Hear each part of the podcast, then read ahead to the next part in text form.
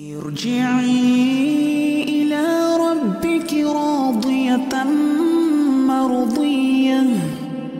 فادخلي في عبادي.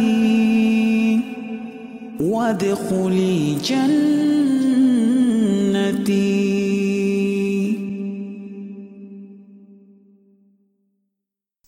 Waalaikumsalam warahmatullahi wabarakatuh. Sehat Ustaz, Alhamdulillah. Terima Alhamdulillah, kasih. alhamdulillah. Eh, Untuk bersikat waktu Ustaz, eh, silakan. Tafadhol Ustaz waktunya. Terima kasih. Bismillahirrahmanirrahim. Assalamualaikum warahmatullahi wabarakatuh. Alhamdulillahi ala ihsani wa syukru lahu ala taufiqihi wa amtinani. Asyhadu an la ilaha illallah wahdahu la syarika lahu ta'ziman li sya'ni wa asyhadu anna Muhammadan abduhu wa rasuluhu ridwani. Allahumma salli alaihi wa ala alihi wa ashabihi wa ikhwani. Eh, para dokter, para pemirsa, ikhwan dan akhwat, bapak dan ibu-ibu yang dirahmati Allah Subhanahu wa taala. Alhamdulillah pada kesempatan kali ini kita masuk pada kajian kita perdana eh, untuk para dokter tentang syarah kitabul jami' ya. Eh, nanti akan kita jelaskan apa itu syarah kitabul jami'. Intinya pembahasan kita adalah mengenai tentang adab dan akhlak. Ya, buku ini berkaitan tentang adab dan dan akhlak ya. Eh, tidak lain agar kita bisa menjadi seorang hamba yang soleh, seorang hamba yang bertakwa, eh, yang Allah Subhanahu Wa Taala memuji orang yang bertakwa dan orang Allah menyebutkan bahwasanya mereka lah penghuni surga. Ya. Ketika Allah berbicara tentang surga, kata Allah, wa lil muttaqin, surga yang Allah siapkan bagi orang-orang yang eh, bertakwa. Siapakah orang bertakwa atau orang soleh? Ya, sederhananya, ya, at-taqi ya. atau as-salih. Siapakah orang bertakwa? Orang soleh. Sederhananya adalah orang yang menunaikan hak Allah dan hak hamba, yaitu yang menunaikan hak Allah dan hak hamba. Dan hak hamba.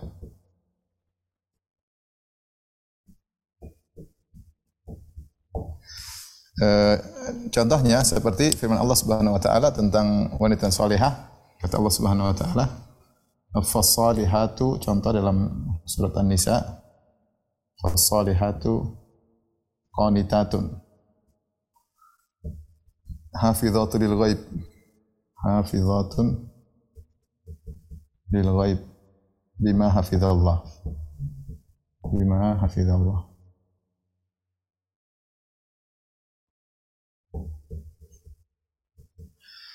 Kata Allah tentang wanita-wanita solehat, kata, kata Allah wanita solehat, siapa wanita solehat? Konitat. Konitat itu yang taat kepada Allah. Konitat artinya taat kepada Allah. Itu wanita-wanita yang taat. Taat kepada Allah. Kemudian hafizatun lil ghaib. Ciri kedua, hafizatun lil ghaib adalah yang uh, menjaga hak suami. Menjaga hak suami menjaga hak-hak suami ketika suami tidak di rumah, ketika suami tidak ada. Ini contoh definisi wanita salihah yang Allah sebutkan dalam surat An-Nisa. Siapa wanita salihat? Fasalihat qanitatun. Cirinya dua. Taat kepada Allah. Apakah cukup? Enggak cukup. Hafizatan lil ghaib bima hafizallah menjaga suami ketika suami tidak ada. Karenanya Siapa orang soleh sederhananya yang menunaikan hak Allah dan hak para para hamba. Nah kita tinggal renungkan, sudahkah kita menunaikan dua-duanya? Hak Allah dan hak para hamba, ya. Banyak orang hanya konsen pada ini, hak Allah.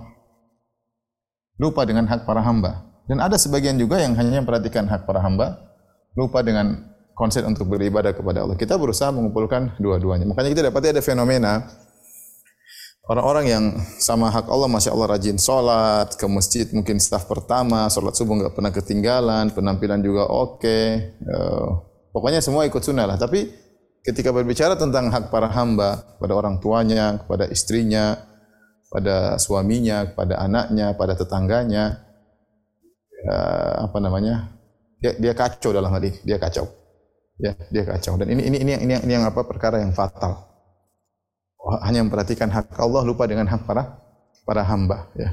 Lupa dengan hak para hamba.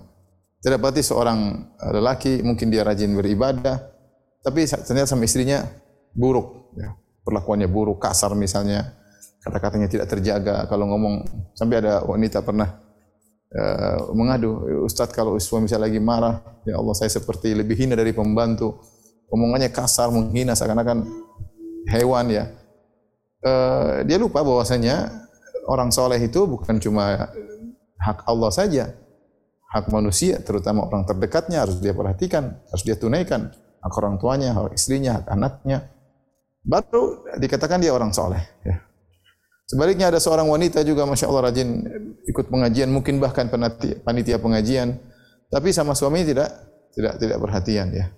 Tidak menaikkan hak suami suaminya ngajak ngajak berhubungan misalnya dia tidak mau ya. Tapi ada seorang laki datang ke saya sampai nangis. Nangis depan saya. Ustaz saya kalau ngajak istri saya berhubungan dia bilang apa? Hah? Mau apa? Jadi istrinya sampai dia nangis ini sama saya. Saya Masya Allah. Kasihan orang ini menderita ya. Jadi padahal kata dia, Ustaz, padahal istri saya panitia pengajian. Masya Allah. Ini salah berarti salah dalam dalam belajarnya atau sudah belajar benar tapi nggak dipraktekkan. Ya, kita namanya wanita solehah, seorang laki soleh, biar tunaikan hak Allah dan hak hak manusia. Makanya ada contoh-contoh. Jadi di antara hal yang fatal, ya, di antara hal yang fatal, hanya menunaikan hak Allah. Allah tapi lalai lalai dari hak manusia.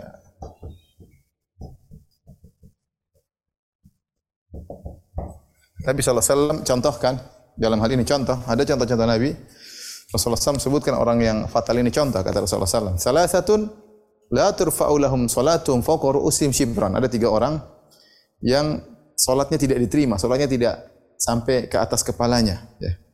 Di antaranya kata Nabi SAW, uh, eh, al-akhwani mutasariman, dua orang yang saling bertengkar, dua saudara yang saling ber, bertengkar. Mereka rajin sholat tapi ternyata mereka bertengkar sehingga uh, sehingga sholat mereka tidak diterima, fatal. Nabi SAW juga mengatakan tentang imra'atun batat wa zawjuha 'alaiha sakhit. Seorang wanita tidur dengan nyaman dengan tentram sementara suaminya jengkel sama dia. Mungkin ada keperluan tidak dipenuhi dan dia cuek aja, cuek dan suaminya tidur. Tidak diterima salatnya. Contoh maksudnya fatal, artinya dia rajin ibadah tapi ibadah tidak diterima. Kenapa? Karena dia tidak menunaikan hak manusia. Nah, hak suami tidak ditunaikan. Contoh lagi misalnya kata Rasulullah SAW, inna su'al khuluq, ya, uh, sungguhnya la yufsidu uh, alal amal kama yufsidul khal asal atau kama qala Nabi wasallam. Kata Rasulullah SAW, sungguh akhlak yang buruk akan merusak amal soleh sebagaimana cuka merusak madu. Sebagaimana cuka merusak uh, merusak madu. Ya. Ini berarti akhlak yang buruk tidak menunaikan hak orang lain ya. Ini bisa merusak amal soleh. Yang lebih ngeri daripada ini kisah seorang wanita yang Rasulullah SAW ditanya, Su'ila Nabi SAW, Inna fulana, ya Rasulullah, ada seorang wanita, ya, uh, apa namanya, karena tasum, sering puasa sunnah, salil lail, senantiasa puasa salat malam, wa tatasaddaq, tapi dan sering juga bersedekah, wa fi lisaniha, ya, tapi uh, lisannya itu menjadi masalah. Syai'un tu'zi jiranaha. Di lisannya ada sesuatu yang dia sering menyakiti tetangganya. Sering hati-hati tetangganya, menyakiti hati tetangganya. Dia tidak nyuri, tidak nyolong, tapi dia ganggu tetangganya dengan lisannya. Padahal Nabi sangat suruh memperhatikan tetangga. Apa kata Nabi SAW ditanya tentang wanita ini rajin sholat, rajin sedekah, rajin puasa sunnah, tapi mulutnya nyakiti hati tetangganya. Kata Nabi SAW, La khaira fiha hiya finnar. Tidak ada kebaikan bagi wanita ini, wanita ini di neraka jahanam. Mengerikan. Sebaliknya, kila inna fulana dikatakan wahai Rasul ada si fulan wanita ummu fulan misalnya ya tusallil maktub hanya salat lima waktu wa tasum ramadan hanya puasa bulan Ramadan wa tatasaddaq bi athwarin min aqid dan hanya bersedekah dengan beberapa potongan uh, akid yaitu susu yang dikeringkan tetapi dia tidak mengganggu tetangganya kata Nabi wasallam hiya fil jannah wanita tersebut di di surga jadi jangan sampai kita ya eh, terjerumus, terjebak dalam hal ini. Hanya memperhatikan hak Allah lupa dengan hak para hamba. Padahal dalam aturannya hak Allah Allah asalnya Maha memaafkan. Kalau ada kekurangan hamba terhadap hak Allah, mungkin dia terkadang malas ini, malas anu ibadahnya kurang. Asalnya Allah Maha memaafkan. Tetapi kalau berkaitan dengan hak hamba, hak manusia, asalnya hamba itu nuntut pada hari kiamat. Asalnya hamba itu nuntut pada hari kiamat. Maka kita tujuannya kita belajar kitabul jami ini agar kita berusaha menuju kepada seorang yang bertakwa atau seorang yang soleh di mana selain kita memperbaiki ibadah kita, tauhid kita, jangan sampai kita syirik kepada Allah Subhanahu wa taala, jangan sampai kita beribadah dengan bid'ah. Nah, kita juga berusaha memperbaiki hubungan kita dengan sesama manusia dengan akhlak dan adab, dengan akhlak yang adab. Dan itulah dua peluang kita meraih kebahagiaan, meraih pahala sebanyak-banyaknya dengan kata orang hablum minallah hablum minan nas. Antara hubungan kita dengan Allah Subhanahu wa taala dan hubungan kita dengan uh, dengan manusia. Inilah uh, kenapa kita bahas kitabul kitabul jami' ya. Tujuannya adalah agar kita bisa memperbaiki dua sisi ini, terutama sisi berhubungan dengan hak para hamba. Baik, apa itu kitabul jami'? Apa itu kitabul jami'? Kitabul Jami ini adalah uh, salah satu dari kitab-kitab yang ada dalam sub-sub pembahasan bahasan buku Bulughul Maram. Buku Bulughul Maram. Bulughul Maram maksudnya min adilatil ahkam ya. Ini Bulughul Maram karya Ibnu Hajar. Ibnu Hajar adalah sekolah ini. Asalnya buku ini, asalnya buku ini adalah min adilatil ahkam tentang hukum-hukum fikih. Jadi buku ini asalnya adalah buku yang menghimpun hadis-hadis yang berkaitan dengan fikih. Maka dibuat kitab Toharah, kitab Toharah, nanti kitab salat dan seterusnya. Nanti ada kitab zakat, ada kitabul haji misalnya, ada kitabun nikah. Jadi berdasarkan kitab e, pembahasannya dari kitab tohara, kitab salat dan seterusnya seterusnya sampai di penghujungnya namanya kitabul jami. Sebut di pinggir namanya kitabul jami. Jadi asalnya ini adalah kitab fikih. Bulughul Maram adalah buku koleksi himpunan hadis-hadis fikih. Buku koleksi himpunan hadis-hadis tentang fikih. Jadi bukan tentang tauhid, bukan tentang uh, yang lainnya ya, tapi tentang tentang fikih, bukan tentang akidah tapi tentang tentang fikih. Yang menarik di penghujung dari Bulughul Maram, di penghujungnya ada namanya Kitabul Jami' ya. Di penghujung Kitabul Kitab Bulughul Maram di penghujungnya maksudnya kitab fikih itu masih ada kitab toharah ada kitab toharoh. Nanti ada lagi kitab salat misalnya. Jadi sebanyak kitab-kitab, kitab salat ada kitab zakat misalnya. Tidak, kitab nikah. Misalnya kitab muamalat, misalnya banyak ya. Sampai di penghujungnya adalah kitabul jami. Apa maksudnya kitabul jami? Kitabul jami adalah kitab yang menghimpun beberapa bab. Di sini ada enam bab, terdiri atas enam bab atas enam bab. Bab tersebut yang pertama adalah babul adab, tentang adab. Kemudian yang kedua tentang bab albir wasilah, tentang uh, birrul walidan silaturahmi. Ya. Kemudian yang ketiga bab zuhud wal wara, tentang zuhud dan wara. Bab yang keempat bab tentang uh, terhib min masawi akhlak. Bab tentang peringatan akan akhlak-akhlak yang buruk. Yang kelima, bab yang keenam, targhib ya fi eh, mahasil akhlak.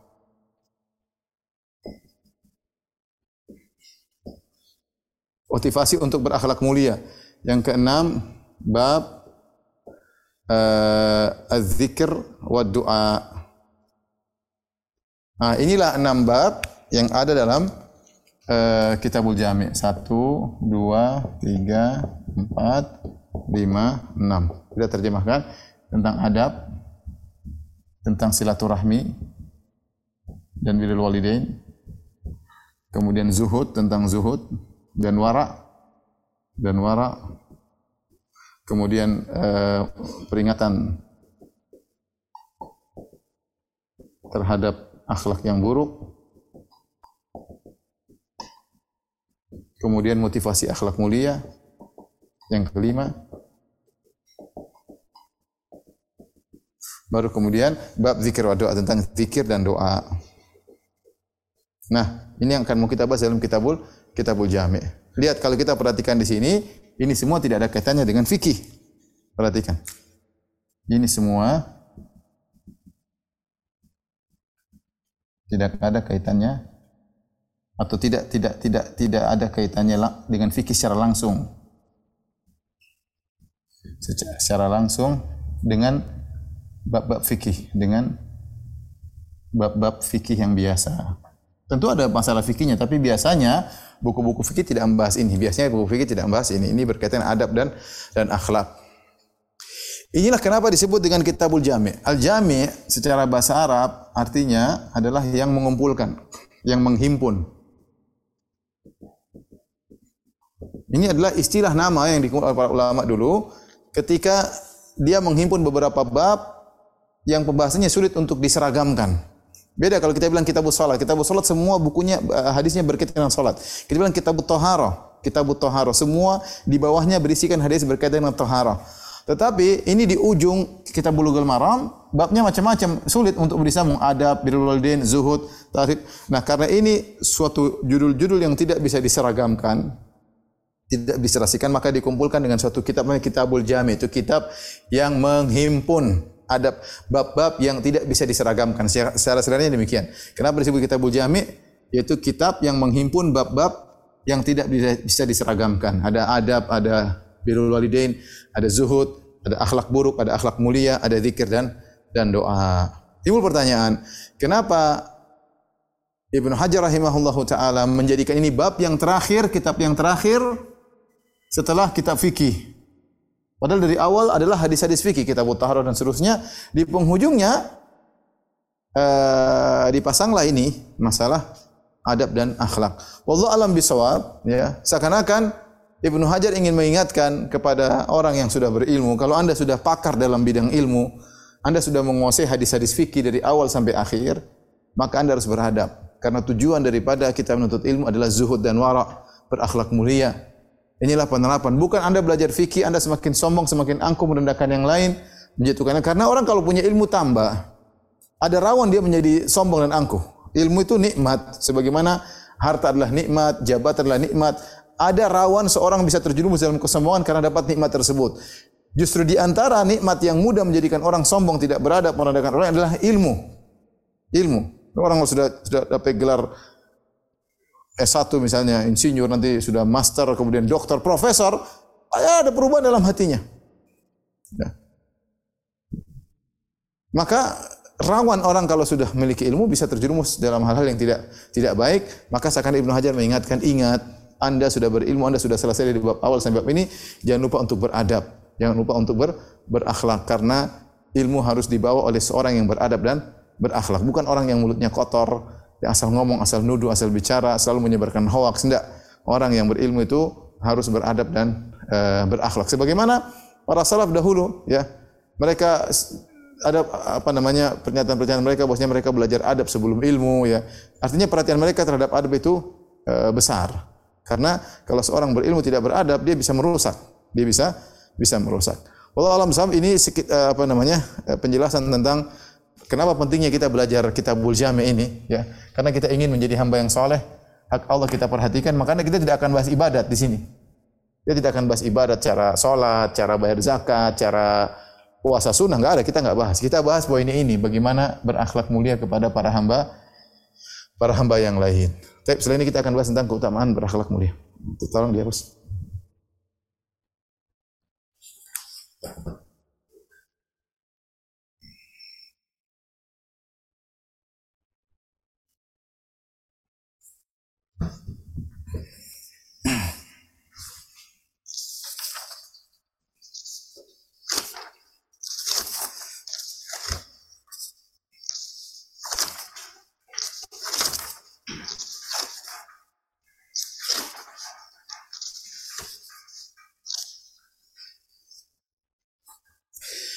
Mudah-mudahan uh, kawan-kawan kalau kesempatan bisa, bisa punya bukunya ya di dua jilid ya.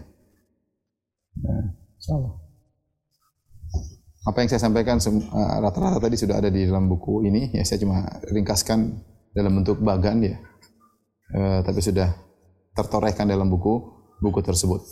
Uh, poin berikutnya akan kita bahas adalah tentang keutamaan akhlak yang mulia dan juga macam-macam akhlak. Macam-macam akhlak. Ikhwan akhwat yang rahmati Allah Subhanahu wa taala, para dokter yang dimuliakan oleh Allah Subhanahu wa taala, eh, karena kita akan belajar tentang adab dan akhlak, untuk motivasi kita belajar, kita perlu tahu tentang keutamaan akhlak. Keutamaan akhlak sangat banyak. Saya akan bacakan satu persatu, saya kumpulkan sekitar ada sembilan keutamaan akhlak. Yang pertama, eh, bahwasanya Allah Subhanahu wa taala bersumpah dengan akhlak Nabi sallallahu alaihi wasallam. Ya. Allah bersumpah dengan akhlak Nabi sehingga eh, Allah tidak bersumpah dengan fisik Nabi, ya. Allah tidak bersumpah dengan uh, keluarga Nabi, Allah tidak bersumpah dengan harta Nabi, Allah tidak bersumpah dengan Allah bersumpah dengan akhlak Nabi. Allah berfirman, Nun wal qalami wa ma yasturun ma anta bi ni'mati rabbika bimajnun wa innaka la la ajr wa inna laka la ajran ghairu mamnun wa innaka la ala khuluqin azim. Kata Allah, Nun wal qalam. Allah bersumpah demi pena dan apa yang mereka tuliskan. Sungguhnya engkau bukanlah orang gila wahai Muhammad dan sungguhnya engkau memiliki ganjaran yang tidak terputus wa innaka la ala khuluqin azim dan sungguh benar-benar engkau berada di atas akhlak yang yang mulia. Ini berarti poin yang sangat uh, penting dari Nabi SAW di mana Allah bersumpah dengan uh, akhlak Nabi secara khusus. Ya. Makanya ketika Nabi ditanya, Aisyah radhiyallahu anha ditanya tentang akhlak Nabi, kata Aisyah radhiyallahu taala anha, kana khuluquhul Quran. Akhlak Nabi itu adalah Quran, seperti Quran yang berjalan. Anda ingin lihat praktek Al-Quran, tuh lihat Nabi SAW. Itulah buah dari Al-Quran prakteknya seperti itu. Ketika ketika Allah bersumpah dengan akhlak ini berarti poin yang sangat diperhatikan oleh Allah Subhanahu wa taala. Padahal kelebihan Nabi banyak. Ya. Nabi apa namanya memiliki banyak kelebihan tapi di sini Allah bersumpah untuk poin tentang uh, akhlak Nabi ya. Kemudian uh, di antaranya keutamaan akhlak Rasulullah SAW diutus untuk poin besar, porsi besar untuk akhlak. Kata Nabi SAW, Innama bu'ithtu li utammima makarimal akhlak. Dalam riwayat yang li utammima salihal akhlak. Sungguhnya aku ini diutus ya untuk menyempurnakan akhlak. Ya, saya tulis lebih baik ya. Keutamaan akhlak.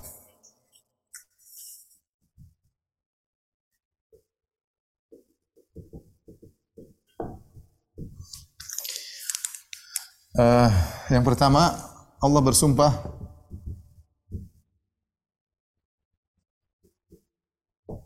dengan akhlak Nabi.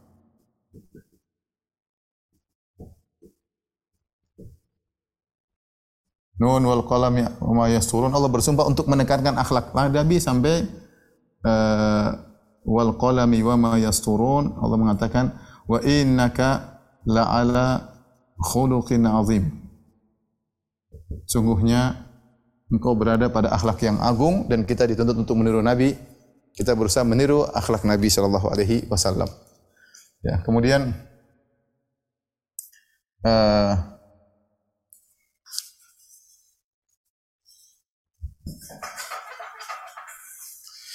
perkara yang uh, kedua bahwasanya Nabi diutus khusus buat akhlak ya. Nabi Shallallahu Alaihi Wasallam diutus untuk menjelaskan akhlak dengan porsi yang besar, dengan porsi yang besar.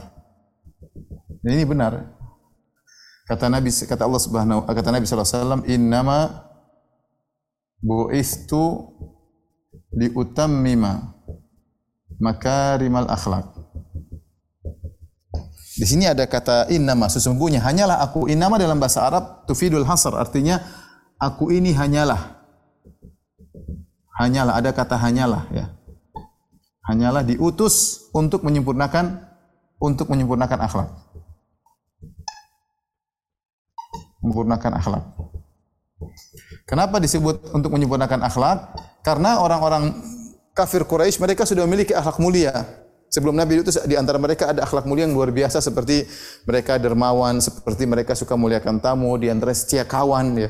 Kalau kita ceritakan bagaimana setia kawan mereka luar biasa, seperti kisah Abu Bakar tadi, tapi bukan saatnya kita cerita. Setia kawan, eh, kemudian keberanian. Nah, Nabi diutus untuk menyempurnakan akhlak tersebut, akhlak yang sudah baik diperindah lagi oleh Islam.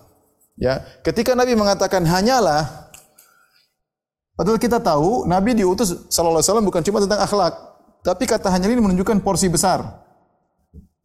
Porsi besar. Oleh karenanya benar kalau kita misalnya kita buka buku tentang akhlak, tentang Riyadus Solihin lah, tentang adab ini, adab anu, adab ini, banyak sekali hadis-hadisnya. Banyak sekali hadis-hadisnya. Ya. ya, banyak sekali. Jadi porsi untuk akhlak mulia ini besar. Ketika Nabi mengatakan aku hanyalah diutus untuk memperbaiki akhlak menunjukkan perhatian Nabi terhadap akhlak besar. Ya. Perhatiannya terhadap dan kalau perhatiannya besar maka kita harus perhatian juga harus perhatian juga terhadap masalah akhlak. Kemudian eh, yang ketiga, akhlak di antara sebab utama sebab paling banyak masukin surga. Memasukkan ke surga. Ketika Nabi SAW ditanya, Ma aktsaru ma yudkhilun nas al jannah. Apa yang paling banyak memasukkan manusia dalam surga? Kata Nabi sallallahu alaihi wasallam, taqwallah taqwallah wa husnul khuluq. Yang paling banyak adalah bertakwa dan berakhlak mulia. Bertakwa dan berakhlak mulia.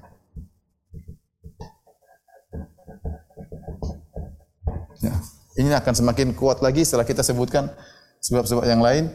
Contohnya bahwasanya akhlak yang mulia ya uh, merupakan barometer keimanan.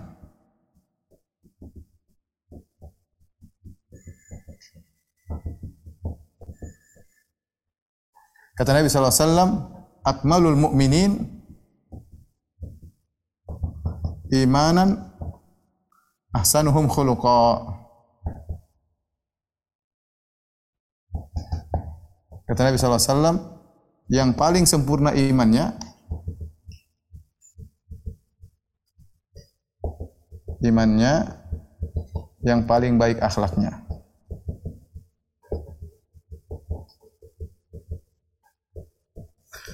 Makanya jangan sepelekan masalah akhlak. Masalah akhlak jangan sepelekan. Karena ternyata barometer keimanan adalah akhlak. Kalau orang akhlaknya buruk, ketahuilah itu imannya buruk. Yang jadikan akhlak sebagai barometer siapa? Nabi sallallahu alaihi wasallam, ya. Nabi sallallahu alaihi wasallam, ya. Kemudian juga di antaranya orang yang semakin semakin mulia akhlak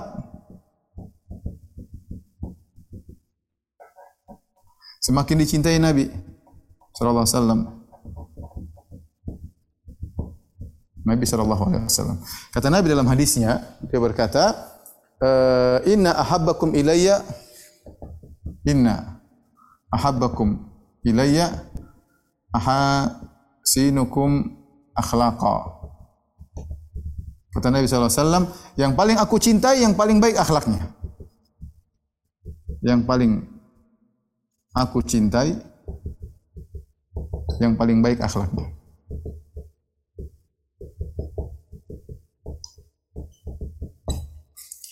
Kemudian lagi keutamaan akhlak. Ya. Jadi kalau anda ingin dicintai oleh Nabi SAW, perbanyak akhlak mulia. Perbanyak akhlak yang mulia. Nabi mengatakan, Inna habakam ilayya, ahabbakum ilayya, ahsinukum akhlaq, al-muwatti'una aknafan, alladhina yalafun wa yu'lafun. Sungguhnya, orang yang paling aku cintai di antara kalian adalah yang paling baik akhlaknya. Al-muwatti'una aknafan, yang membentangkan tangannya. Alladhina ya'lafun, yang mudah bergaul, wa yu'lafun, yang mudah untuk diajak berteman. Bukan orang yang sombong, tidak melirik orang, enggak. Nabi SAW suka dengan orang yang enak diajak ngobrol, enak diajak berteman, ya. Akhlak mulia, membentangkan tangannya, tidak sombong, ya. Kemudian eh, semakin Keenam, semakin akhlak mulia, surga semakin tinggi. Kata Nabi sallallahu alaihi wasallam, "Aqrabukum majlisan minni yaumal qiyamah."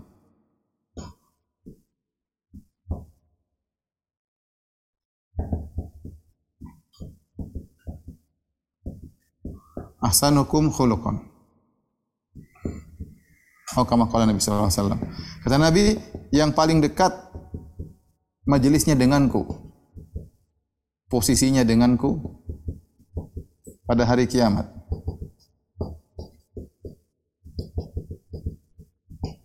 adalah yang paling baik akhlaknya.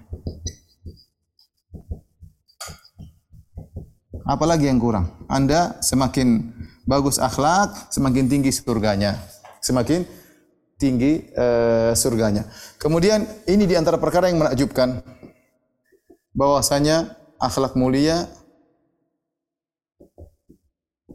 mudah mendatangkan surga, mudah mendatangkan pahala banyak, mudah mendatangkan pahala banyak. Banyak pahala. Kenapa? Karena argo berjalan. Karena argo pahala jalan. Ya. Dua sisi argo pahala berjalan dan mencakup banyak orang. Perhatikan sini sisi dalil ini penting. Lihat, Nabi SAW pernah bersabda suatu hadis, Innakum lan tasa'akumun nas, lan yasa'akumun nas bi amwalikum. Kalian tidak bisa meliputi semua manusia dengan harta kalian. Artinya kita kalau mau baik sama manusia mau bagi duit, duit kita terbatas. Taruhlah kita kasih orang 100 ribu, sampai kapan kita bisa kita bisa bagi duit kita? Kalian tidak akan bisa innak innakum lan tas'un nas bi amwalikum. Kalian tidak bisa meliputi manusia dengan harta kalian. Walakin yas'uhum minkum bastul wajhi wa husnul khuluq. Tapi kalian bisa meliputi manusia dengan murah senyum dan akhlak yang mulia. Tidak setiap kita ketemu orang kita kasih duit. Tapi kita bisa setiap ketemu orang bisa senyum enggak? Bisa. Senyum enggak bayar, tinggal buka gigit sedikit sudah dapat pahala. Ya. Tabassumuka fi wajhi akhika sadaqah uh, senyum di depan wajah apa namanya uh, saudaramu sedekah. Ini saya lagi senyum sama antum semua mudah-mudahan pahala saya banyak ya. Jadi maksud saya mudah. Kalau bagi duit gimana bisa? Minta rekening semua antum kasih duit nggak bisa. 50 ribu, 1000 aja saya nggak mampu. Apalagi kalau 50 ribu, 100 ribu. Jadi kita nggak bisa ngambil hati manusia dengan duit karena duit itu terbatas. Belum lagi kalau kita pelit. Tapi kalau senyum nggak bayar, tinggal senyum, murah senyum. Orang senang murah senyum. Orangnya murah senyum, orangnya ramah, enak dapat pahala. Ya. Dari sisi pertama dari sisi mencakup banyak orang, akhlak mulia itu bisa mencakup banyak orang sehingga pahalanya banyak. Yang kedua, dari sisi kelanggengan. Orang kalau sudah sampai derajat akhlak mulia, bukankah banyak waktunya habis untuk interaksi dengan manusia? Coba kita pikir dalam diri kita. Kita interaksi dengan Allah dibandingkan interaksi manusia banyak mana? Banyak kita interaksi dengan manusia. Dengan Allah paling sholat lima waktu, baca Quran mungkin, sholat malam mungkin, zikir pagi petang. Interaksi kita dengan Allah terbatas. Dengan manusia, ya ketemu istri di rumah, ketemu anak-anak di rumah, di kantor ketemu bos, ketemu anak buah, ketemu supir, ketemu pembantu, ketemu tetangga, ketemu kawan-kawan di masjid. Banyak interaksi kita dengan manusia lebih banyak. Nah kalau kita sudah sampai derajat akhlak mulia, itu argo pahala jalan terus. Ke mana pun kita ketemu orang, pahala jalan. Kenapa kita sudah menyetel diri kita dengan izin Allah Subhanahu wa taala sampai derajat akhlak mulia? Dan ini ibadah. Ibadah yang uh, apa namanya Syekh Sa'di menjelaskan bahwasanya pahalanya besar. Pahalanya besar. Kenapa? Karena interaksi dengan banyak orang dan waktu kita paling banyak adalah interaksi dengan orang. Dan kalau kita sudah akhlak mulia, pahala kita ngalir terus. Ketemu istri dapat pahala, kita berakhlak mulia. Ketemu bos kita berakhlak mulia, ketemu pembantu berakhlak mulia, ketemu uh, kerabat akhlak mulia, ketemu supir akhlak mulia, oh pahala jalan jalan terus, jalan terus. Kita naik Grab aja misalnya naik Grab mobil, kita ramah sama supir. Ya Pak, dapat pahala kita. Dapat pahala. Kenapa? Karena kita sudah berakhlak mulia dan pahala akan ngalir ngalir terus. Itu di antara keutamaan eh, akhlak mulia. Ya. Karenanya ya di antara keutamaan mulia, Nabi sering berdoa minta akhlak mulia.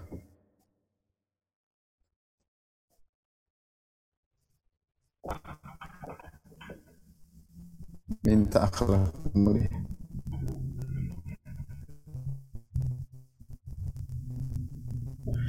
Saya sebutkan dalam buku ada tiga doa yang mungkin bisa kita baca. Agak ya, mudah. Yang pertama yang mudah. Ya, Allahumma ahsanta khalqi. Ya. Allahumma ahsanta khalqi fahassin khuluqi.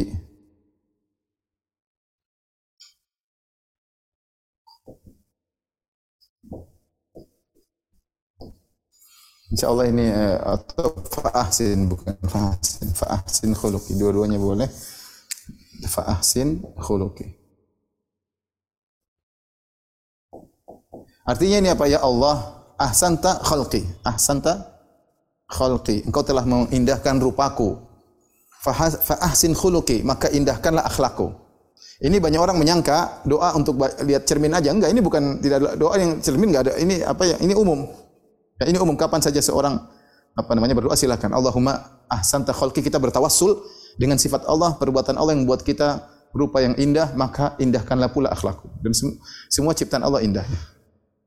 Kemudian di antaranya doa iftitah. Nabi SAW pernah dalam solatnya baca doa iftitah. Ya Allahumma hdinil asanal akhlaqi la yahdi li asana ila ant wasrif anni sayyi'ah la anni ila ant. Ya Allahumma hdini panjang ya tapi nanti bisa dilihat di buku. Ya Allah berilah petunjuk kepadaku, tunjukilah aku kepada akhlak yang termulia. Allahumma hdini li ahsanil akhlaki. La yahdi li ahsaniha illa Tidak ada yang bisa menunjukkan aku kepada akhlak yang mulia kecuali engkau. Mau datangkan psikolog, psikiater suruh kita akhlak mulia kalau Allah tidak tunjukkan enggak bisa. Wasrif anni sayyi'ah. Ya Allah jauhkan aku dari akhlak yang buruk. La yasrifu anni sayyi'ah Tidak ada yang bisa membuat aku terhindar dari akhlak buruk kecuali engkau. Orang kalau sudah pelit, dia minta sama Allah. Lama-lama pelitnya bisa dihilangi. Ada minta sama Allah, ya Allah aku ini pelit ya Allah, jauhkanlah pelit dariku. Ya Allah aku ini pemarah ya Allah, jauhkan. Kalau enggak dia enggak, enggak akan berubah, susah. Minta sama Allah. Ya, ini di antara doa yang kita baca, kita baca buat diri kita, kita baca buat istri kita, buat suami kita. Kita buat istri kita Allahumma hdiha li ahsanil akhlak. Ya Allah bila petunjuk kepada istriku yang aku cintai kepada akhlak yang mulia Allah. Jauhkan dari akhlak yang buruk. Pada anak-anak Allahumma hdi auladi. Ya Allah bila petunjuk kepada anak-anakku li ahsanil akhlaqi kepada akhlak yang termulia. Ya. La yahdi li sana la yahdi li ahsani illa tidak ada yang bisa beri tunjuk petunjuk kepada mereka kecuali Engkau ya Allah. Wasrif anhum sayyi'ah jauhkanlah anak-anakku dari akhlak yang buruk. Tidak ada yang bisa memalingkan kecuali Engkau ya Allah. Kemudian di antara doa, Allah min a'udzubika min munkaratil akhlaq wal a'mal wal ahwa. Allahumma inni a'udzubika min munkaratil akhlaq wal a'mal wal ahwa. Ya Allah, aku berlindung kepada Engkau dari akhlak yang mungkar, amal yang buruk, ya. Dan apa namanya? Uh, hawa nafsu. Taib. Ini di antara keutamaan akhlak ya. Mungkin orang bertanya, "Ustaz, apa itu akhlak yang mulia?" Apa itu? Ini keutamanya. Apa itu akhlak mulia? Apa itu akhlak mulia?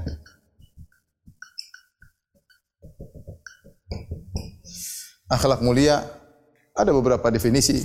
Sebagian mendefinisikan definisi, sebagian dengan contoh. Ya. Ada yang mengatakan akhlak mulia itu rukunnya tiga. Apa itu?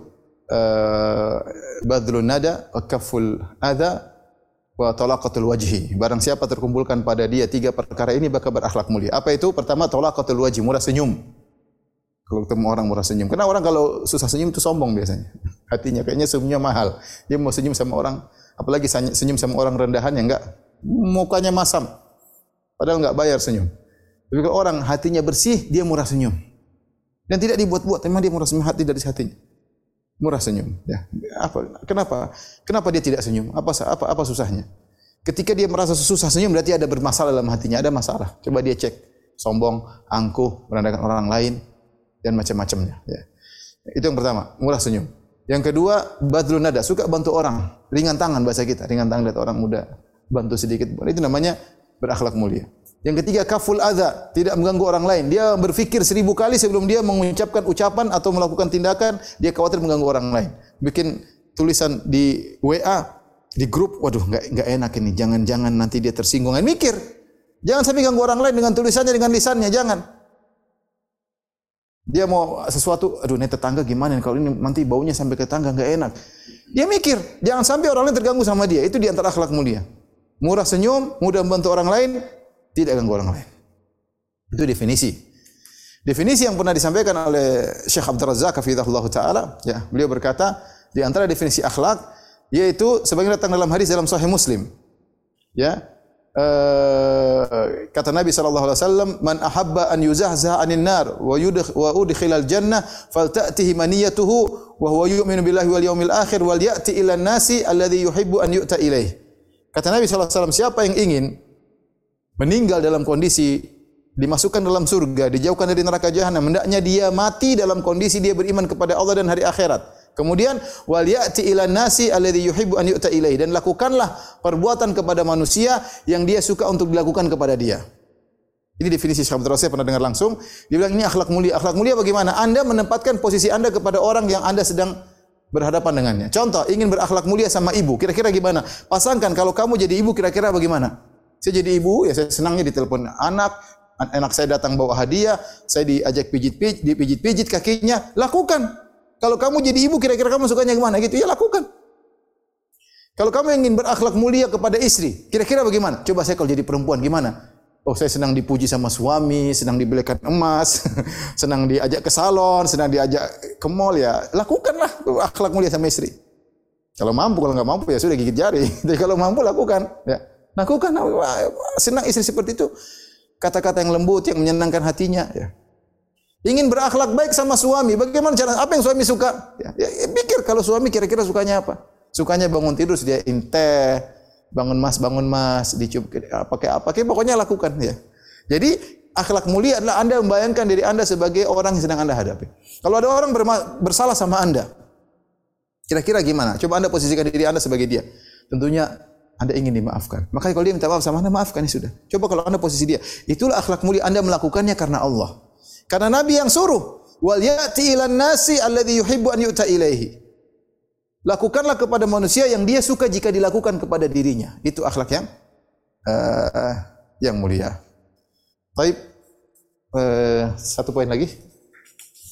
Uh, tolong dihapus.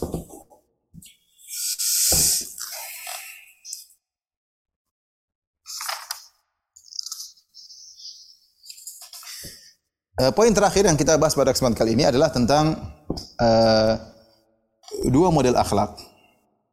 Dua model akhlak.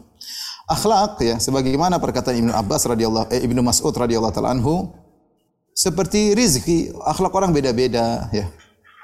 Kata Ibnu Mas'ud radhiyallahu anhu, "Innallaha qasama bainakum akhlaqakum kama qasama bainakum arzaqakum."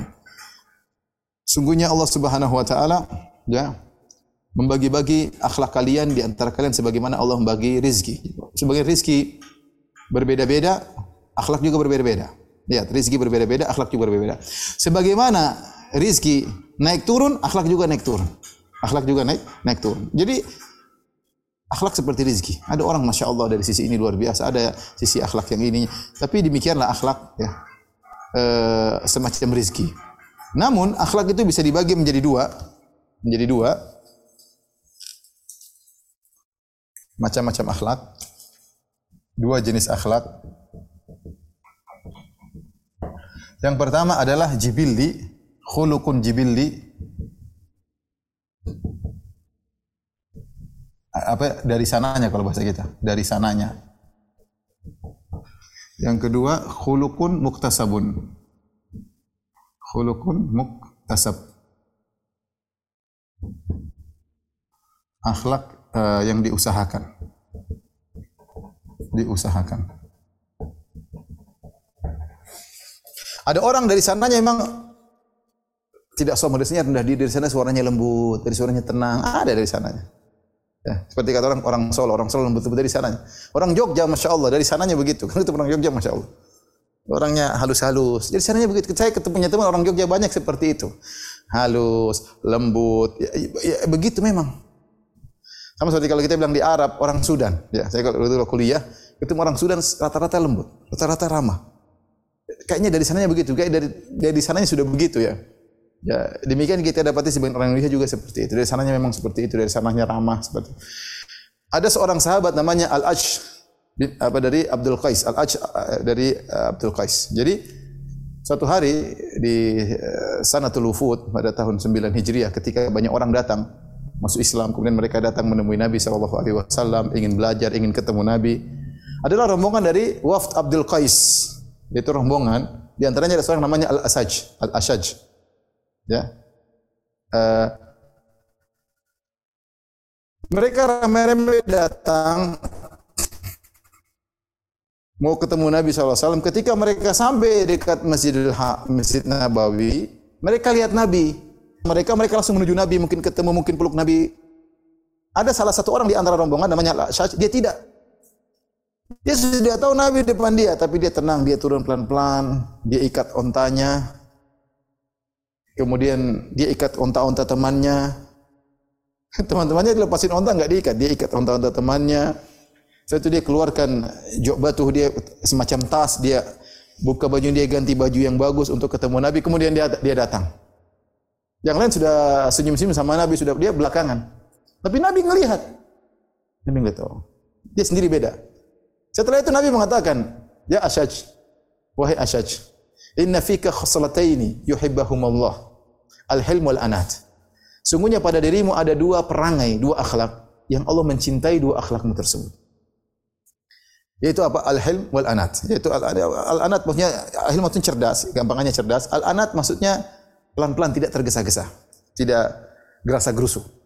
Karena Nabi lihat dia tenang, dia ikat dulu ontanya. Ya Nabi tidak kecuali Nabi pergi habis itu kan Nabi nunggu, Nabi nunggu santai aja ikat, kemudian dia ikat onta teman-temannya, dia keluar pakai teman-temannya pakai baju yang baju safar, jadi mungkin mungkin agak bau-bau, ontanya tidak diikat, dia enggak dia buka, dia ganti baju untuk ketemu Nabi, dia datang. Dia mengatakan kau punya dua akhlak yang Allah cintai. Ya, di antaranya al-ana tidak tergesa-gesa. Maka dia bertanya, "Ya Rasulullah, jabalani Allah alaihima ya am amran iktasabtuhu ya Ya Allah ini dua akhlak yang Allah berikan kepada aku atau perkara yang aku usahakan. Kata Nabi SAW, Jabalakallahu alaihima. Allah menjadikan engkau berakhlak mulia memang dari sananya. Maka dia mengatakan segala puji bagi Allah yang menjadikan dua akhlak yang Allah mencintai dua akhlak tersebut. Ini contohnya akhlak jibili. Dia dari sini seperti itu. Sejak lahir mungkin sudah begitu, kemudian lingkungan mendukung sehingga dia sejak uh, awal begitulah akhlak dia. Dan ada orang seperti itu memang. Ada orang seperti itu dari sananya sabar, dari sananya uh, ramah ya. Dari sananya kita mau jadikan dia pemarah nggak bisa. Sudah bikin kondisi dia nggak marah-marah, yang dari sananya begitu dia penyabar. Ya, dari sananya murah senyum, dari sananya rendah diri ada. Yang kedua, akhlak yang diusahakan. Diusahakan ini dia tadi akhlaknya buruk dia rubah atau akhlaknya sudah baik diperbaiki lagi. Ini yang Rasulullah SAW mengatakan ana zaimun bi baitin fi a'lal jannah liman hasana khuluquhu. Aku menjamin istana di tengah surga bagi orang perbaiki akhlaknya. Ini dalil bahwasanya akhlak bisa diusahakan. Karena Rasulullah jamin siapa yang bisa memperbaiki akhlaknya, Rasulullah jamin istana di di tengah surga. Berarti bisa diperbaiki. Rasulullah SAW mengatakan, "Man yatasabbar yusabbirhullah." Barang siapa yang berusaha sabar, Allah akan jadikan dia penyabar. Bisa. Akhlak bisa dirubah. Maka tidak benar seorang kalau kita tegur anti jangan suka, engkau jangan suka marah-marah. Saya memang dari sananya begini. Ini enggak, itu namanya ente sombong. Ente tidak mau berubah. Kalau ente mau berubah bisa. Kalau akhlak tidak bisa dirubah, ngapain Rasulullah datang untuk mengajarkan akhlak? Kalau akhlak tidak bisa dirubah, biarkanlah manusia di atas akhlak mereka. Justru Nabi datang, Al-Quran turun, hadis-hadis datang untuk memperbaiki akhlak, dijalankan. Akhlak bisa dirubah. Anda pelit bisa jadi dermawan, bisa. Anda pemarah bisa jadi orang penyabar, bisa. Anda orang banyak ngomong, cukup ngomong terus bisa jadi pendiam, mikir, nggak ngomong, ngomong, mikir dulu. Anda suka dan orang bisa berubah, orang bisa berubah. Saya jadi saya pernah saya pernah diundang suatu tempat, undang makan, seorang murah senyum. Rame-rame kita makan. Setelah itu, setelah kita selesai, orangnya lembut sekali. Ada teman yang bilang, Ustaz, saya tahu si Fulan tadi. Iya, itu Ustaz dulu orangnya. Wah, kasar, pemarah. Saya juga nggak tahu tiba-tiba dia berubah jadi lembut sekali sekarang. Murah senyum. Dulu nggak seperti itu Ustaz. Tiba sekarang murah senyum, mengundang orang makan di rumahnya. Sampai teman saya bilang, dia kalau sudah beli barang dari saya, dia sudah tawar, saya nggak bisa nolak. Karena senyumannya, akhirnya saya teri, mau beli berapa pun saya kasih. Karena dia murah senyum. Ini akhlak bisa dirubah. Oleh karenanya anda seorang suami yang kasar sama istri bisa berubah. Anti seorang istri yang mungkin kasar sama suami bisa berubah. Yang suka angkat suara, rubah. Jangan angkat suara, bisa. Di setel, paksa. Lama-lama bisa. Kenapa bisa di setel? Kalau takut kepada Allah Subhanahu Wa Taala. Kalau nggak takut ya lanjutin aja. Suami juga demikian kasar sama istri, ngomong nggak enak. Kalau nggak takut sama Allah lanjutkan. Tapi kalau takut sama Allah bisa berubah akhlak. Bisa berubah. Bisa berubah akhlak tersebut. Ya. Jadi intinya uh, timbul pertanyaan, mana lebih baik Ustaz? Yang ini apa yang ini? Dari sananya atau yang diusahakan? Lebih baik mana? Dari sananya sabar, sejak lahir sudah sabar, atau dari pemarah jadi sabar? Mana lebih ba- banyak pahalanya? Dibahas oleh para ulama, ditinjau dari pahala seorang yang merubah dirinya dari buruk menjadi baik itu pahalanya besar. Tadi Rasulullah SAW mengatakan, "Ana zaimun bi baitin fi a'lal jannah liman hasana khuluquh." Aku jamin istana di tengah surga bagi orang perbaiki akhlaknya. Dia punya nilai plus, dia berhasil merubah dirinya. Tapi dari sisi kekokohan, stabilnya akhlak yang paling bagus dari sananya. Karena orang kalau berubah dari pemarah jadi lembut, Suatu saat dia bisa, eh, aku nggak tahu saya dulu siapa ya. Kembali lagi, kembali modal. Tapi kalau dari sananya, biasanya lebih stabil. Lebih apa? Lebih stabil. Terakhir, ikhwan dan akhwat yang rahmati Allah subhanahu wa ta'ala. Bagaimana indikasi bahwasanya kita nggak kita bukan mencucikan diri dan kita banyak kesalahan tapi bagaimana indikasi akhlak kita mulia? Mudah. Indikasi kita akhlak mulia orang merindu, merindukan untuk bertemu dengan kita. Kalau kita nggak ada kayaknya acara kurang pas. Diteleponin semua orang kamu di mana? Di mana? Insya Allah itu mudah-mudahan itu akhlak mulia. Orang merindukan kehadiranmu. Ya. Tapi kalau orang bersyukur kamu nggak datang itu akhlak buruk berarti. Kamu ditinggali oleh manusia. Oleh karena Nabi SAW mengatakan Inna min syarrin nasi manzilatan yaumal qiyamah man wada'ahun nas ittiqa afuhsyih. Sungguhnya orang yang di antara orang paling buruk kedudukannya pada hari kiamat yang ditinggalkan masyarakat gara-gara takut lisannya. Kalau dia nggak hadir alhamdulillah, kalau dia nggak di grup alhamdulillah. Tapi kalau nggak dicari-cari kenapa kamu nggak masuk grup, ah, itu berarti insya Allah orang nyaman dengan kamu. Orang nyaman dengan dengan kamu. Kalau ada orang ngobrol sama kita, orang nggak mau kita pergi, insya Allah itu akhlak baik. Kita tapi niat bukan karena ria ya, jangan ria ya. Karena Allah kita berakhlak mulia karena Allah Subhanahu wa taala. Menyenangkan hati orang karena Allah Subhanahu wa taala. Sabar mendengarkan curhatan mereka karena Allah Subhanahu wa taala. Tahan emosi kita karena Allah Subhanahu ini dapat pahala. Semuanya harus karena ini amal soleh karena Allah Subhanahu wa taala. Tapi dia maksudnya barometer. Kalau orang ketemu kita orang senang insya Allah ya. Saya punya saya pernah ada kawan. Kalau ketemu dia nyaman, semua orang ketemu dia nyaman. Karena dia murah senyum, murah senyum, kemudian dia lembut. Tidak ada dari ucapannya kesombongan sedikit pun. Waliyadzubillah kita ini kalau kita sombong, kita pun nggak suka orang sombong. Misalnya saya, misalnya waliyadzubillah saya sombong, tapi saya dengar orang sombong saya nggak suka. ini sombong banget. Padahal meskipun kita juga mungkin ada nilai kesombongan waliyadzubillah. Tapi kalau kita ngomong sama orang-orang itu merendah, tawadhu karena Allah, kita senang sama dia. Ini enggak sombong, masya Allah. Seperti itu. Nyaman kalau ngobrol sama dia. Tapi ada ada orang mungkin badannya besar, gemuk luar biasa ya. ya badannya atlet ya, atlet sumo maksudnya besar. Tapi kalau kita ngobrol sama dia ringan rasanya. Kayaknya ini orangnya ringan banget, seakan-akan lebih ringan daripada bulu yang diterbangkan. Kenapa? Senyumannya enak, akhlaknya enak, bicaranya nggak ada sombong, menghormati orang. Beda orang kurus krempeng, mungkin lebih ringan daripada bulu yang diterbangkan. Tapi kalau dia ngomong rasanya berat. Seperti di depan kita ada gunung besar yang siap jatuh di kepala kita. Ngomongnya nyelekit, merendahkan. Aduh, ini akhlak buruk banget seperti ini. Hati-hati jangan sampai anti atau anda Orang senang kalau anti nggak hadir. Kalau anti nggak datang, orang senang. Ah ini bahaya, hati-hati. Kalau anda nggak datang, nggak masuk grup, orang senang, hati-hati. Perbaiki diri. Jangan-jangan karena akhlak kita yang buruk. Yang masalah, betapa banyak orang akhlak buruk. Perhatikan, ini benerin. Betapa banyak orang akhlak buruk, dia nggak sadar. Dia merasa semua orang rendah. Sehingga dia merasa orang semua salah, dia yang benar sendiri. Dia benar sendiri. Yang lain semua salah, dia benar sendiri. Itu menunjukkan dia sudah di puncak keburukan. Tidak ada yang mau nasihati dia. Karena orang tahu nasihati dia, dia nggak mau didengar dibiarin hancur. Gak ada yang mau nasihati. Mau nasihati takut diomelin, takut dinyirin. Udah biarin aja lah. Ini jangan sampai kita seperti itu. Waliyahzubillah. Tapi demikian saja para dokter yang Allah Subhanahu wa taala kajian kita. Insya Allah kita lanjutkan mulai bab pertama pada uh, kesempatan berikutnya insya Allah taala. Kalau ada yang bertanya saya persilakan. Allah taala alam bisawab. Barakallah Ustaz. Uh, Alhamdulillah uh, paparan dari Ustaz begitu lengkap, begitu mengingatkan kita bahwa ibadah uh, di sisi Allah itu bukan hanya zakat, sholat dan puasa. Ternyata akhlak itu mempunyai posisi yang sangat-sangat penting di mata Allah. Maaf ini Ustaz karena ini kajian pertama mungkin izinin bahwa ini kajian kita kita jami tadinya tidak dinamakan karena ini akan berapa episode kira-kira Ustaz? Enggak tahu. Enggak tahu ya. Belum tahu. Ya jelas bukunya aja, bukunya dua jilid. Bukunya dua jilid. Ya, ya tadi juga ada yang nanya ini yang pertama ya, cuman saya nggak anda nggak berani nih bilang episode pertama mungkin tapi yang jelas ini akan berlanjut ya Ustaz. Mudah-mudahan ya. Ya, insya Allah.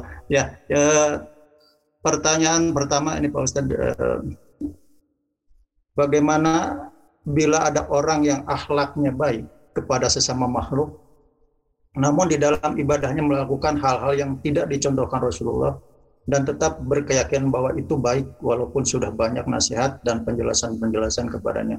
Apakah dia tetap termasuk orang berakhlak mulia yang disebutkan Allah? Bagaimana dengan amalan akhlak baiknya tersebut? Mohon eh, bisa apa bisa diterima sama Allah Ustaz? Uh, kita tahu bahwasanya tadi kita katakan orang yang saleh atau wanita yang saleh yang menjalankan uh, dua-duanya hak Allah dan hak uh, manusia ya. Ada orang yang hanya perhatian kepada salah satunya ya. Ada orang-orang masya Allah mungkin ateis bahkan tapi akhlaknya baik tapi dia ateis. Akhlaknya baik atau musyrik tapi akhlaknya baik rendah diri tidak sombong tapi musyrik ya. Kita mau diapain? Cuma di zaman Nabi ada orang seperti seperti Abdullah bin Judaan apa sampai Aisyah bertanya Rasulullah Abdullah bin Judan karena yakrid daif karena dulu suka menjamu tamu, suka menyambung silaturahmi, memberi makan. Apakah bermanfaat akhlaknya yang mulia tersebut? Kata Nabi, la lam yakul lam yang la yanfa'uhu dzalik. Lam yakul yauman qad rabbiku firli khati'ati yaumaddin. Tidak bermanfaat itu semua. Dia tidak pernah berbicara sekalipun ya Allah ampuni dosa-dosaku pada hari kiamat. Tidak ada manfaatnya. Ya akhlak mulia tersebut tidak ada manfaatnya. Ya. Kenapa? Karena dia tidak syirik kepada Allah Subhanahu wa taala. Kata Allah Subhanahu wa taala, eh, wa ma mana'hum an tuqbala minhum sadaqatuhum illa annahum kafaru billah. Tidaklah menghalangi mereka sedekahnya diterima kecuali karena mereka kafir kepada Allah Subhanahu wa taala. Jadi kita harus dua-duanya. Akhlak kepada Allah benar, akhlak kepada manusia benar, dua-duanya. Nah, kalau ada orang akhlaknya baik tapi ibadahnya tidak sesuai sunnah, ya kita nasihati. Nasihati urusan diterima tidak urusan Allah, tapi kita punya aturan yang Rasulullah kabarkan siapa yang beramal tidak ada dia tidak di atas contohku tidak diterima. Contoh zaman dahulu ada ahlul bidah yang akhlaknya sangat mulia dan itu sebab kenapa bid'ahnya tersebar. Orang tersebut tokohnya tokoh tersebut namanya uh, Amr bin Ubaid, salah seorang dari tokoh, tokoh Mu'tazilah. Kalau kita baca biografinya, ya dulu Mu'tazilah setelah menyempal dari majelis Hasan al-Basri, muncul dua tokoh besar, Wasil bin Atha ini tokoh pertama diikuti oleh Amr bin Ubaid. Amr bin Ubaid juga tokoh Mu'tazilah yang dia nolak sebagian ayat-ayat Allah Subhanahu wa taala. Tapi dia akhlaknya sangat baik. Kalau ibadah suka nangis, zuhud orangnya sampai disukai oleh khalifah. Khalifah suka sama dia karena dia zuhud. Sementara mungkin ada yang ahlu sunnah mungkin tapi kelihatan condong sama dunia ini enggak ini zuhud. Gara-gara di antara sebab akhlak yang mulia bid'ahnya mudah tersebar. Bid'ahnya mudah tersebar. Maksudnya ada orang yang seperti itu ada. Ya, kita dapati sebagian orang-orang Syiah, masya Allah lembutnya. Jadi ceritain Ustaz itu Syiah itu oh, luar biasa akhlaknya. Bilang kita harusnya alusuna lebih utama untuk bisa seperti itu. Ya demikian. Ya, artinya kalau ada orang akhlaknya baik ternyata terjerumus dalam bid'ah kita nasihati. Semoga nasihati sebisa mungkin kita berakhlak baik sama dia, nasihati dia. Adapun dia tetap ngeyel, diterima tidak urusan dia dengan Allah Subhanahu wa taala, cuma kaidah mengatakan man amila amalan laisa alaihi amluna fahuwa rad. Siapa yang melaksanakan suatu amalan tidak ada contohnya dari kami maka ter, tertolak. Semoga Allah memberikan hidayah kepada kaum muslimin ya, kepada orang-orang yang masih bergelimang dengan bid'ah ya. Banyak di antara mereka tidak ngerti. Kalau mereka tidak ngerti, mudah-mudahan Allah kasih uzur karena mereka enggak ngerti ya. Ya mudah-mudahan kita semua dikumpulkan di surga Allah Subhanahu wa taala. Tapi ada lagi yang bertanya? Ya. Ada lagi pertanyaan Ustaz. Uh, Assalamualaikum Pak Ustaz. Uh, mohon bertanya Pak Ustaz keluarga besar saya ini adalah non muslim. Saya dulu non muslim juga berarti uh, mualaf mungkin. Hmm. Jika ada acara misal seperti arisan mereka mengadakan doa bersama sebelum makan dan penutup acara. Mohon sarannya Pak Ustadz, cara menegur untuk melarang mereka agar mereka tidak tersinggung atau boleh saja mereka berdoa di rumah yang muslim. Mungkin. Oh, berdoa. Mungkin uh, mereka berdoanya. Mereka boleh raih ya, tapi kepada siapa masalahnya? Kalau kepada Allah tidak apa-apa. tapi kalau kepada Nabi Isa misalnya repot di rumah kita ya. Ya kalau cuma dia doa sendiri nggak ada masalah. Tapi kalau kita ayo kita rame-rame kita minta kepada uh, Yesus misalnya repot ya, repot ya. Hmm. ya kita kasih, kasih apa bicara saja baik-baik sudahlah. Uh, saya yang kalau di rumah kita kita yang buka acara. Kalau pas arisan di rumah mereka, ya pas mereka berdoa kita nggak usah ikuti. Ya, arisan tidak apa-apa, kita arisan dan, dan tidak jadi masalah kita menyambung silaturahmi dengan non muslim, tidak ada masalah dengan akhlak yang baik. Tapi kalau pas arisan di rumah kita, kita yang pimpin doa. Jangan saya mereka yang pimpin doa, kita yang pimpin doa. Ya doa, ya Allah, mereka juga sama Allah. Oke, yang jadi masalah ketika ada Tuhan anak kita masalah. Kalau Tuhan Bapa, ya kita jangan bilang Tuhan Bapa karena itu mengisyaratkan ada anaknya. Kita bilang ya Allah, ya Rabbi, ya Tuhanku. Oke bilang yang Maha Esa, wah repot yang Maha Esa. Tapi intinya kita berdoa, jangan mereka yang berdoa ya. Jadi Ya. kalau di rumah mereka urusan mereka, urusan mereka kita doa masing-masing ya. Allah alam bisawab. Ya, jazakallah khair. Barangkali kalau belum puas silakan eh, raise hand. Nah, ini ada yang raise hand eh, Silakan. Leni, sil- silakan Ibu, eh, Ibu Len. Tadi ya. Waalaikumsalam. Ya. Karena hanya saya ya Pak yang non muslim, ah, yang muslim, astagfirullahaladzim. Jadi kadang-kadang mereka tuh kan orang-orang tua saya, misalnya tante saya, ibu saya, nenek saya, mereka tuh mau makan otomatis langsung berdoa, terus mau pulang langsung berdoa. Bagaimana saya melarangnya ya Pak? Kadang saya nggak enak karena saya kan lebih mudaan daripada mereka. Mereka tuh orang-orang tua saya gitu Pak. Oh enggak, kalau gini, kalau kita undang mereka makan di rumah, mereka mau makan itu urusan mereka ya. Tapi mau saya jangan sampai kita kumpul terus kita mempersilahkan silakan mimpin doa itu jangan. Enggak Pak. Tapi kalau mereka lakukan di rumah mereka kita kasih makan, mereka eh, urusan mereka, enggak kita kasih makan sama keluarga kita kasih makan. Dia minta ya urusan urusan dia ya, urusan dia. Itu enggak ada masalah kalau cuma sampai pada tahapan situ. Yang penting jangan kita bilang mari pimpin doa di rumah saya semoga diberkahi kemudian berdoa sama eh, Yesus Kristus jangan ya. Kita berdoa kepada Allah bukan kepada manusia. Tapi kalau kita kasih makan kemudian dia eh, berdoa kepada Tuhannya ya urusan dia ya. Urusan dia. Wallahu alam bisawab. Sudah cukup Ibu Ya. Leni. Silakan. Ada yang raise hand lagi tadi siapa? Ada. Oh, nggak jadi ya. Eh, mungkin pertanyaan lagi Ustaz ini. Hmm. Ustadz, eh, interaksi kita tampaknya bisa juga lebih banyak sama Allah. Kalau kita memikirkan Allah terus, terus menerus, bahkan kalau sendiri, bisakah kita anggap seperti itu, Ustadz? Gitu. Sebenarnya interaksi kita bukan berarti putus sama Allah, maksudnya kita interaksi zahirnya. Zahirnya kita sama Allah ketika mungkin sholat malam, ketika baca Quran. Ketika kita berinteraksi dengan manusia, sesungguhnya kita sedang berinteraksi sama Allah. Karena kita, kenapa kita ramah sama orang tua? Kita berbakti karena Allah semuanya. Jadi interaksi kita sama Allah tidak terputus sebenarnya. Saya, saya, kedar, saya hanya ingin menyampaikan bahwasanya zahirnya akhlak itu pahalanya banyak. Kenapa? Karena kita kebanyakan interaksi sama manusia. Kenapa kita lembut sama istri? Kenapa kita panggil anak, nak sini nak? Kenapa kita peluk dia? Karena Allah yang perintahkan. Sehingga pada dasarnya interaksi kita sama Allah tidak pernah berhenti. Ya cuma cuma dari sisi pahala ini lebih lebih sering waktunya daripada waktu kita yang baca Quran. Ya kecuali mungkin liburan kita lagi safar umroh ya, memang waktu kita untuk berkholwat dengan Allah banyak. Tapi kalau sehari-hari kita pergi pagi ke kantor, pulang dari kantor, interaksi kita kebanyakan sama manusia. Nah itu semua bisa kita lakukan karena Allah Subhanahu Wa Taala. Ya. Ini ini maksud saya. Jadi interaksi kita dengan manusia pun tidak lepas dari interaksi kita kepada Allah karena kita melakukannya atas perintah Allah Subhanahu Wa Taala. Allah alam bisawab. Eh, mungkin pertanyaan terakhir dok kalau ada. Oh ya, ada satu. eh, ini cukup panjang, tapi ini mungkin saya ringkas aja. Jadi mohon maaf nih kalau salah nih kepada Pak siapa yang Jadi assalamualaikum Ustaz. Jadi ini banyak sekali. Jadi ceritanya ini udah cerai, kemudian eh, diminta lagi sama orang tuanya untuk kembali lagi Ustaz. Cuman eh, dia mungkin agak berat karena masih teringat kesalahan-kesalahan istrinya yang dulu itu. Istrinya. Walau alam istri apa suami ini. Mungkin jadi yang jelas eh, udah sakit hati mungkin udah. Ini bagaimana ini Ustaz? Istikharah. Saya bilang istikharah. Ya. Kalau sudah habis masa iddah, eh, kalau belum habis masa iddah, misalnya nggak tahu ya. Ini kalau kalau ini yang maksudnya dia wanita dicerai oleh suaminya. Kalau selama masa iddah suaminya mau kembali bisa kembali. Hak, tidak tidak hak dia untuk nolak. Nah, selama di masa iddah, masa iddah bagi wanita yang haid, ada haidnya maksudnya belum menopause itu salah satu kuru tiga kali haid. Ya. Kalau dia sudah menopause tiga bulan ya. Dan ada masa macam-macam iddah ya. Tapi intinya eh, kalau masih dalam masa iddah suaminya ingin kembali dia tidak boleh nolak. Tapi dia bilang, "Mas, kalau kamu kembali jangan seperti dulu." Ya, bicara baik-baik, saling memahami di antara mereka ya. Tapi kalau dia laki-laki eh, kemudian istri sudah dia cerai disuruh balik sama orang tuanya ya terserah dia mau balik atau tidak. Kalau dia ingin berbakti sama orang tua karena ini perintah orang tua, ya dia dia pertimbangkan. Kalau dia harus menolak, dia jelaskan baik sama orang tua. Ayah, ibu, ini istri sudah nggak bisa saya pertahankan. Saya sudah begini, begini, begini, begini. Saya tidak bisa. Kasihan anak-anak, kasihan saya. Eh, macam-macam. Insya Allah kebahagiaan bukan dengan dia, bisa ada kebahagiaan yang lain. Eh, seperti itu. Ya. Tapi kalau dia ragu, istikharah. Saya bilang tidak ada jalan istikharah. Anda istikharah, minta kepada Allah, minta petunjuk, lakukan.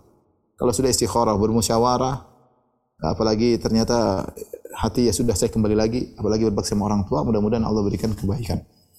Tapi demikian saja eh, para dokter yang mati sebelum kajian kita. Insya Allah kita lanjutkan pada kesempatan berikutnya. Kurang lebihnya saya mohon maaf. Apabila itu wal hidayah. Assalamualaikum warahmatullahi wabarakatuh. Waalaikumsalam warahmatullahi wabarakatuh. Jazakallah khair Ustaz. Irji'i ila rabbiki radiyatan mardiyah. فادخلي في عبادي. وادخلي جنتي.